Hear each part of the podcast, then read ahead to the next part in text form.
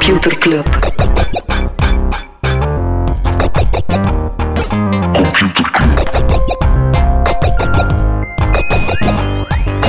Computer Club. Hey Smolly, Hey Freddy. welkom, welkom terug. Welkom, welkom bij Computer Club, een wekelijkse podcast over technologie.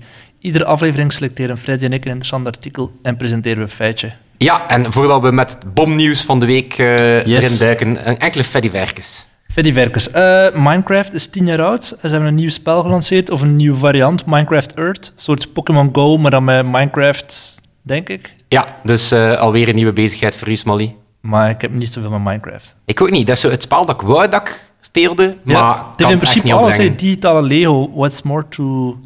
Ja, Lego heeft het ook geprobeerd. Hè. Die hebben ook zo Lego World of zo, maar denk niet dat dat... Want veel van die Lego games zijn wel succesvol, maar hun Minecraft, want als je er eigenlijk over nadenkt, ja, Lego had Minecraft moeten maken. Wist je dat er Minecraft, Lego Minecraft is? Dus Minecraft is een digitale Lego, maar er is analoge Lego van Minecraft. En ja, oké, weird. Contexten, eh contexten niet leiden. Dus dat. Eh, WhatsApp is gekraakt vorige week. Is het echt?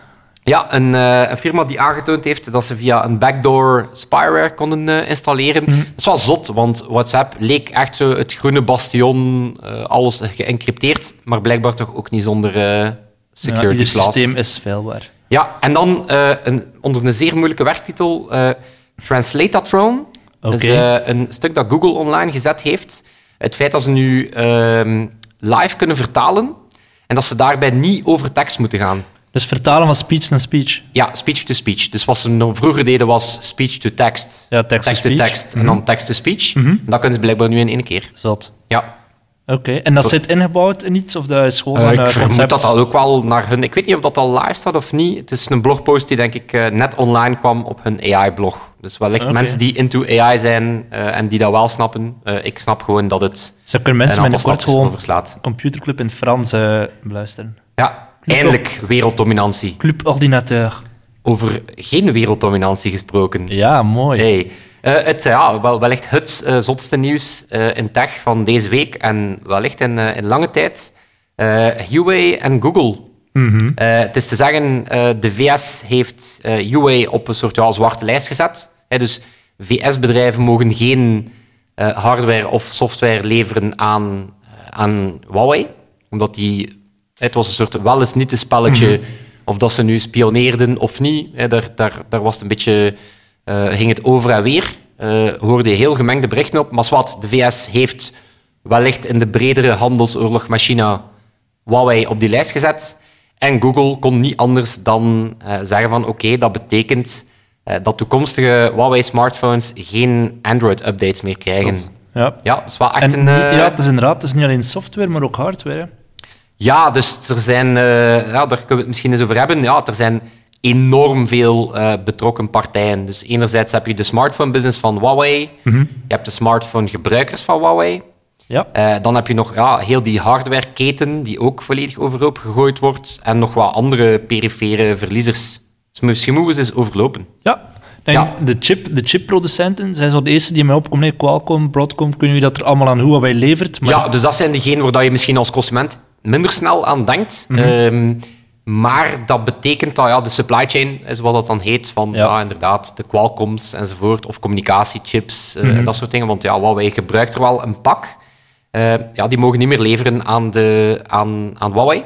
Mhm. Dus dat zou potentieel eh, Huawei in de problemen kunnen brengen. Alhoewel Maar dat de CEO ja, daarvan eh, redelijk harde taal zit knallen heeft. Nu, ik denk dat die man op dit moment wel eh, met zijn rug tegen de muur staat en, en gewoon even knalt om, om, eh, om te tonen dat ze niet zomaar eh, zich gaan laten doen.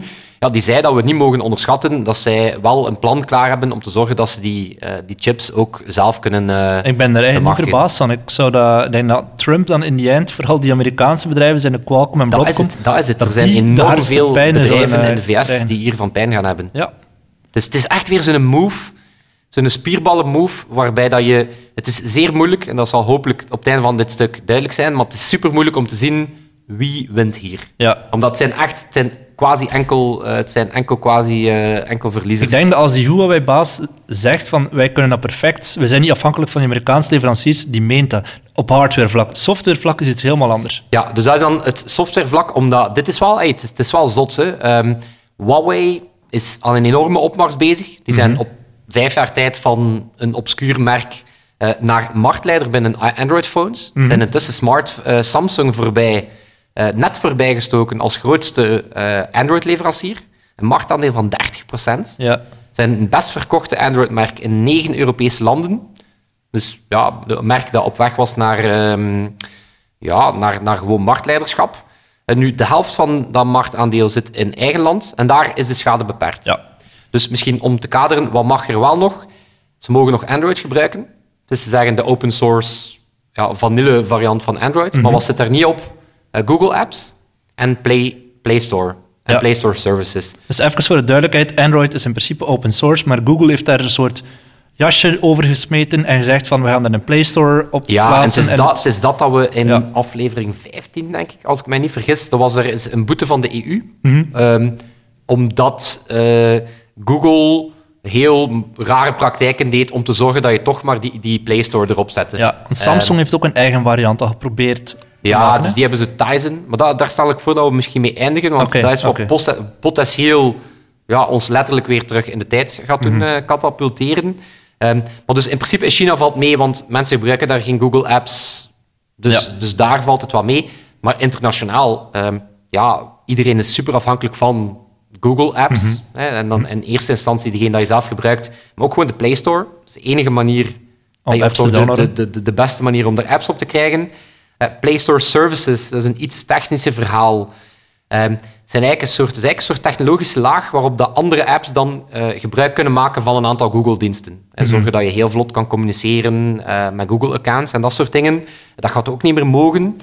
Ehm, dus huidige, probleem, huidige toestellen zitten niet meteen in de problemen. Die krijgen nog drie maand updates. Ja. Dat is een nieuwtje dat vandaag kwam. Ja. Ehm, welke dag dat vandaag ook is, als je deze podcast beluistert. Eh, er zouden nog drie maanden updates komen en dan moet er een nieuwe deal onderhandeld worden. Eh, maar iedereen is er eigenlijk over eens dat dit wel ja, rampzalig is voor Huawei's en, eh, of Huawei's en smartphone business. In Europa en Amerika. Ja, waar dat de grote groei Ja, komen, op dit hè. moment zit. Hè. Ja. Ehm, dus ja, super, super pijnlijk voor die mannen. Eh, ehm, ja, de supply chain, daar hadden we het al over. Ehm, Wie is er nog getroffen? eh, wellicht, dat is een, een die je misschien niet ziet komen, Apple. Omdat je China misschien een, een tegenreactie willen doen. Dan. Voilà. Ja. Dus eigenlijk het enige land dat op dit moment echt geld verdient, in, of het enige eh, bedrijf liever dat geld verdient in China, is eigenlijk Apple. Mhm. Dus Apple heeft eigenlijk vrij veel te verliezen hierbij.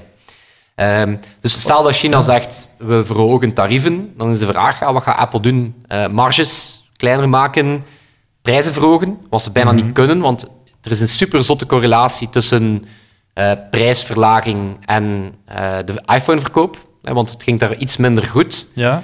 Als ze dan de prijzen iets lager zetten, dan gaat het weer goed. Maar vanaf dat ze... Ja, Apple kan gewoon die premiums niet rechtvaardigen. Omdat, ja, eigenlijk Chinezen, iMessage, dat interesseert hen niet. Apple Pay, dat interesseert niet. Er zijn eigenlijk heel weinig redenen waarom dat je die premium kan, kan rekenen. Dus ja, prijzen verhogen, dat gaan ze niet doen. Ja, of in het slechtste geval zegt China gewoon, oké, eh, iPhones, eh, het is gedaan Ja. in China. Hoe zit het met die zendmasten van Huawei? Daar is, Maar daar, eh, daar, Hier in Europa zijn er heel veel partijen, ik denk in België Proximus, of tegen- Proximus volgens mij, die samenwerken met Huawei om zendmasten te plaatsen die 5G aan kunnen. Ja, ik vraag me af. ah, wel, het, is, het is daar dat, de, dat de, de oprichter van, van Huawei zei van... eh, als je denkt dat dit ons 5G-uitrolplan in de weg staat, eh, think again. Eh, Dat komt ons niet... maar ja, de reputatieschade van het feit dat de VS toch blijft zeggen van... ehm, Ja, er zou spionage zijn of niet. Ik kan me niet inbeelden dat dat een goede, ay, goed is voor de... eh, vertrouwen in voor het Huawei. vertrouwen in, in Huawei. Maar je hoort wel gemengde dingen, want ik denk een van de laatste dingen dat ik er dan van over hoorde was, ik denk dat de Duitsers eh, gezegd hebben van, daar is niks van aan. Mhm. Eh, Huawei is wel degelijk een goede leverancier voor dat soort dingen. Ja. Dat is gek. Dan even nog een bruggetje maken naar Samsung. Ja, wel, omdat je dat er net zei.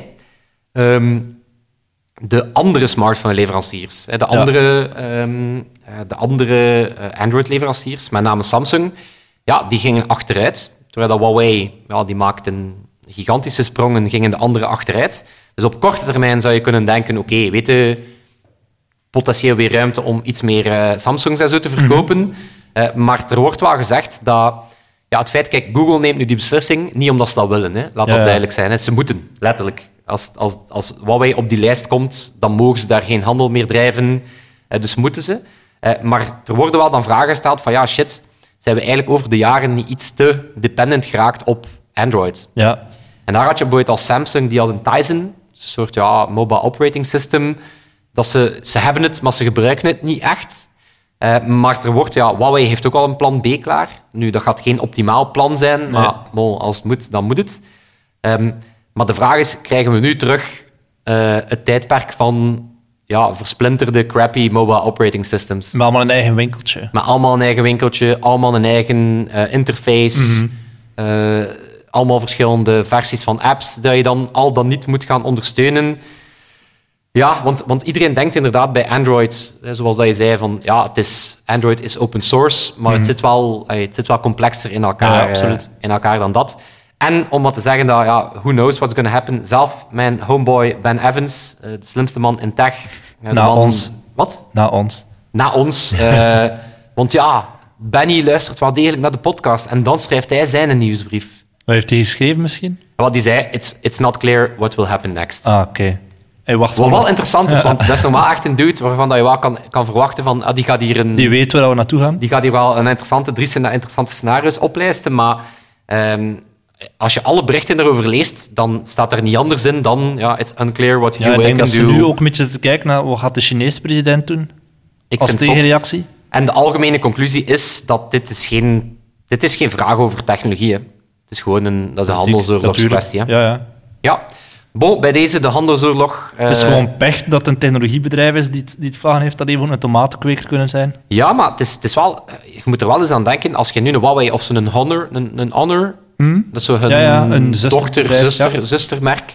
Ja, als je nu zo net een gekocht hebt, Ja, is, vraag je dat wel af van ja, binnen drie maanden. wat dan? Gaat dat toestel nog Gaat mijn- worden? Als Gaan mijn maps nog werken? Gaat mijn Gmail nog werken? Eh, Of erger nog, als er een security breach is, gaan ze die nog Ja. patchen voor mijn heb, ik, heb ik, krijg ik nog apps? Mhm. Allee, tof. Veel succes met Dank je. Donald. Dank je, Donald. Alright, Molly. Ik heb een eh, feitje mee. Ja, ik ga je dat even hier muzikaal, muzikaal inleiden. Computerklas. Een feitje van de week is dat in 1994 er een bedrijf was dat een patent had op de technologie om gifjes te maken. En dat die dat toen bijna verkloot hadden, omdat die zeiden van ja, we gaan dat bijna commercialiseren. hè. Mensen moeten betalen als ze gifjes willen maken of gebruiken.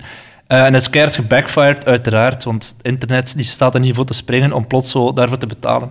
En toen hebben ze eh, een tegenreactie, het PNG-systeem bedacht of geontwikkeld. En hoe bedoel je als tegenreactie? Ja, maar ze zeiden, fuck, we gaan we niet betalen voor de gifjes-technologie, we gaan maar iets zelf eh, een nieuw format ontwikkelen en dat is dan de PNG geworden. Maar, eh, dus die, die gifjes, dat bedrijf, dat was Unisys. Eh, de oorspronkelijke naam van de gifjes, dat is nog een ander feitje trouwens, was 87A. Dat was het, eh, in plaats van gif, was Een het gif 87A. klinkt wel beter, Ja, inderdaad. Trouwens, Er is ook veel minder hard dat discussie iedereen ook probeert, niemand zegt toch ooit een GIF? Een gif. Ja, ik heb op het Wikipedia-artikel van gifjes... het is eigenlijk GIF, hè? Het is meer zoals een gin. Wat? Ja, Gin. gif. GIF. Ja. Het staan zo allemaal Ga op Wikipedia jiffen? staan er verschillende varianten. En de mooiste vond ik eigenlijk, het is meer de J zoals een gin. Gif. GIF. Maar uiteindelijk, de conclusie is inderdaad een gifje. Hè. Ja, Graphics. Interface Format. Ik heb dat wel laten passeren. Ik ben niet goed in GIFs. Nee? Ah, ik vind dat Nee. nee, ik ben echt zo. Ik ben, nog, eh, ben ook zelf niet goed in emoji. Ik ben echt nog een man van woorden Oh en woordgroepen. God. En Je bent zelf een Ik zet emoji. karma leestekens achter Je mijn, bent eh, zelf achter een, emoji, Freddy. Ik ben wel een emoji. Dat is misschien een... Weinig eh, mensen weten dat, maar Freddy is dus vriend... Ja, Ik ben, eh, ai, als je toch op het, op het, op het, op het Apple-ecosysteem zit, ehm, ik ben blanke man met snor in sauna. voilà. Ja.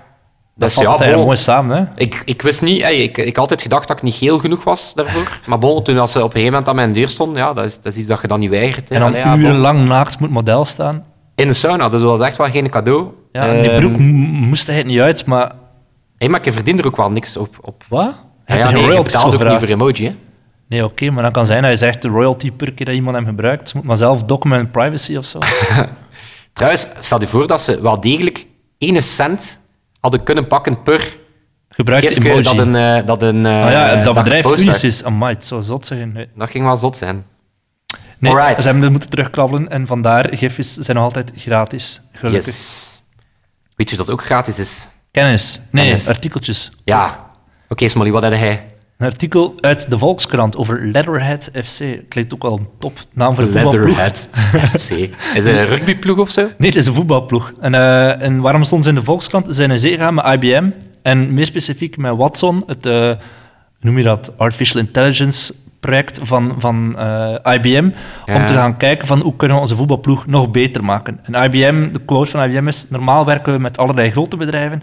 Deze keer wilden we samenwerken met een partij die normaal niet met ons associeert, om te tonen dat kunstmatige intelligentie ook iemand zonder technische expertise van dienst kan zijn. Ja, ik had, ook, ik had er iets verder eh, ik had ook zien passeren. Uh-huh. staat er ook wel van, ja, wat ook meehelpt bij een worstelende club van relatief laag niveau, zijn eenvoudiger successen te Ja, het boeken. is bijna altijd zo Dat is hetzelfde verhaal. sick IBM-burn. Ja, de, de schijnbaar middelmatige ploeg die een computer in dienst neemt en dan plots gaat alles fantastisch. Dat is zo'n verhaal zo oud als de straat. Je hebt zo'n Moneyball, die film met, ehm, niet, met Brad Pitt, volgens Brad mij. Maar dat is toch echt? Ja, ja, ja, zo allemaal middelmatige spelers die dan samen een topploeg worden. Eh, fantastisch. Ehm, hetzelfde met die AI's in Maar dat wordt ook gedaan met zo'n drafts? Weet je, zo van, wanneer Ah, ja, dan ja. van die ploegen... De NBA-draft. eh, Ja, of baseball drafts. Dat zijn zo, daar is denk ik het systeem dat je als ploeg eigenlijk zo, ja, de, de, de, de rookies mag kiezen. Ja. In, in volgorde van Hoe slecht loting staat. of hoe slecht hij staat. En ik dacht dat ik daar ook gehoord had dat er een ploeg was, denk ik, baseballploeg, en die hadden gewoon niet geld om die scouting te doen. Mhm. Dus die zijn echt super data-driven. eh. Ja. Maar wellicht kan dat in baseball volgens mij, omdat volgens mij dat wel is een sport die nog veel meer ehm, over statistieken draait. Weet dat zo van, wat is uw foutenpercentage, Ja, wat het is uw heel moeilijk om, om dat slaagkracht te, checken. Eh, het is zo altijd heel fluffy. hè. Hier- Hetzelfde met dat verhaal van die Leatherhead. Oké, die zijn er nu achtste geworden. Fantastisch, super tof.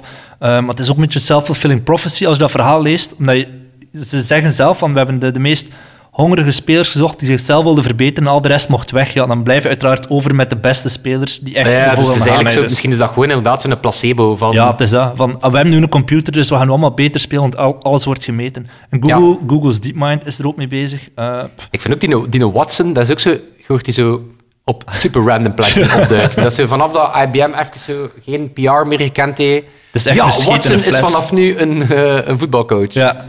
Nee, maar het is, het is, ik, heb, ik heb er met mijn broer over gepraat. Ik weet niet of ik er veel over mag zeggen over wat hij doet, maar hij is de enige fulltime data scientist bij een Belgische voetbalploeg. Zijn dus ah, om agent. nog even te kaderen wat een onderzoeksjournalist dat Thomas Smolders is.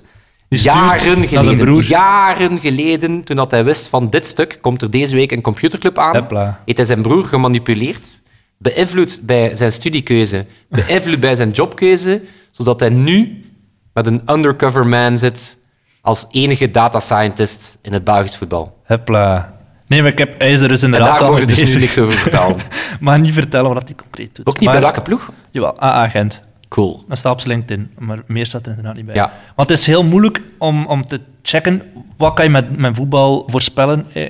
Ehm, en ik heb met hem gecheckt van wat zijn zo moeilijke obstakels om het echt goed te doen. En het belangrijkste is eigenlijk, de data is niet goed gelabeld.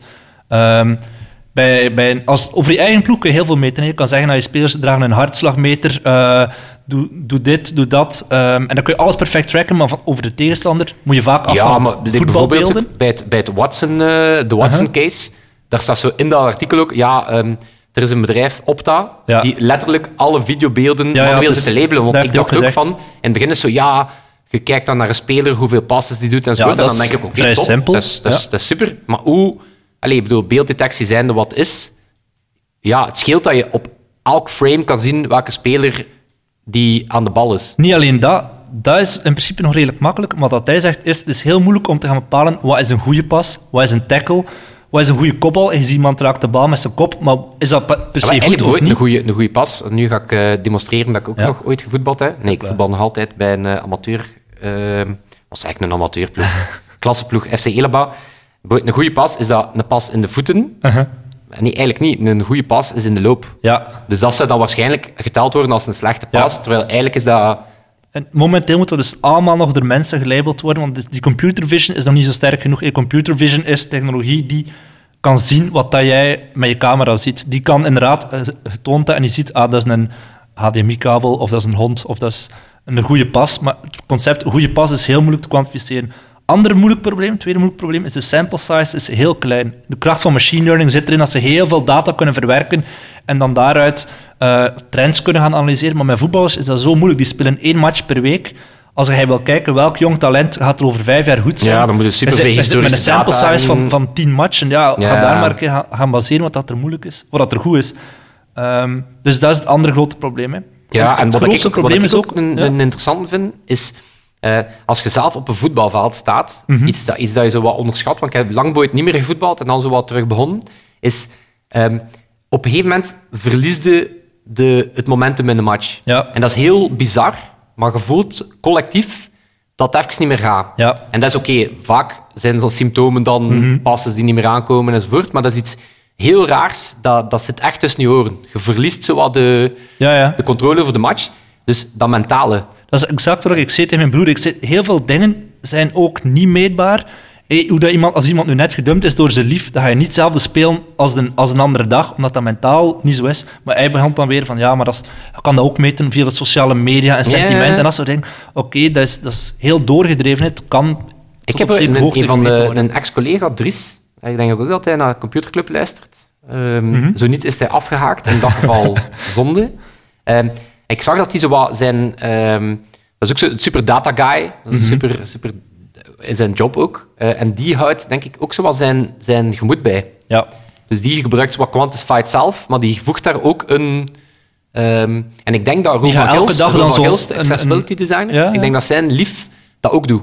Elke Eh, dag een cijfer geven van hoe voel ik me. Ja, en dat vind ik wel interessant. Omdat Ja. je dan wel de gevoelsmatige dimensie ook kwantificeert. Ja, maar dat is heel moeilijk als zei. En het Ja. grote probleem is hetzelfde zoals bij heel veel bedrijven. Die krijgen nu plots het gevoel, ik moet iets met AI doen, ik moet iets met data doen. Maar ze doen dan eigenlijk niets echt relevant. En na twee jaar gaan ze zeggen, het heeft niets opgeleverd, we doeken het op. Maar ik denk dat er wel sowieso plek is voor een data scientist bij een voetbalploeg. Ook al is dat niet per se over het spel, kan je ook gaan zeggen van... Hoe kunnen we de ticketverkoop zo optimaal mogelijk maken hè, met optimal pricing? Eh, hoe kunnen we de Drank, lampen in het stadion, drank, lampen in het stadion, het verkeer van en naar de wedstrijd? Ik denk dat We hebben ooit nog gedaan voor een grote telco. er zijn heel veel ooit nog, low-hanging ooit nog een, fruits. een project Ja? gedaan met een grote voetbalploeg ook en een groot voetbalstadion. Ehm, echt superveel opties om met data, IoT, echt supercoole shit te doen. Mhm. Ja, absoluut. Onontgonnen terrein. Het is zo. Het is Dus zo. data scientists kunnen zichzelf heel snel terugverdienen bij een voetbalploeg. Aan geld dat ze kunnen besparen. Over een data scientist gesproken, dan moeten wij enkel nog onze Watson eh, bedanken. Hè? Sebastiaan. Hey. Een vleesgeworden Hey. computer. Wat? Een vleesgeworden computer. Een vleesgeworden computer, inderdaad. Alright. En dan, eh, Merci, Sebastiaan. merci Sebastiaan. En dan zal het zijn tot volgende week. Tot volgende week. Yo. Computer Club.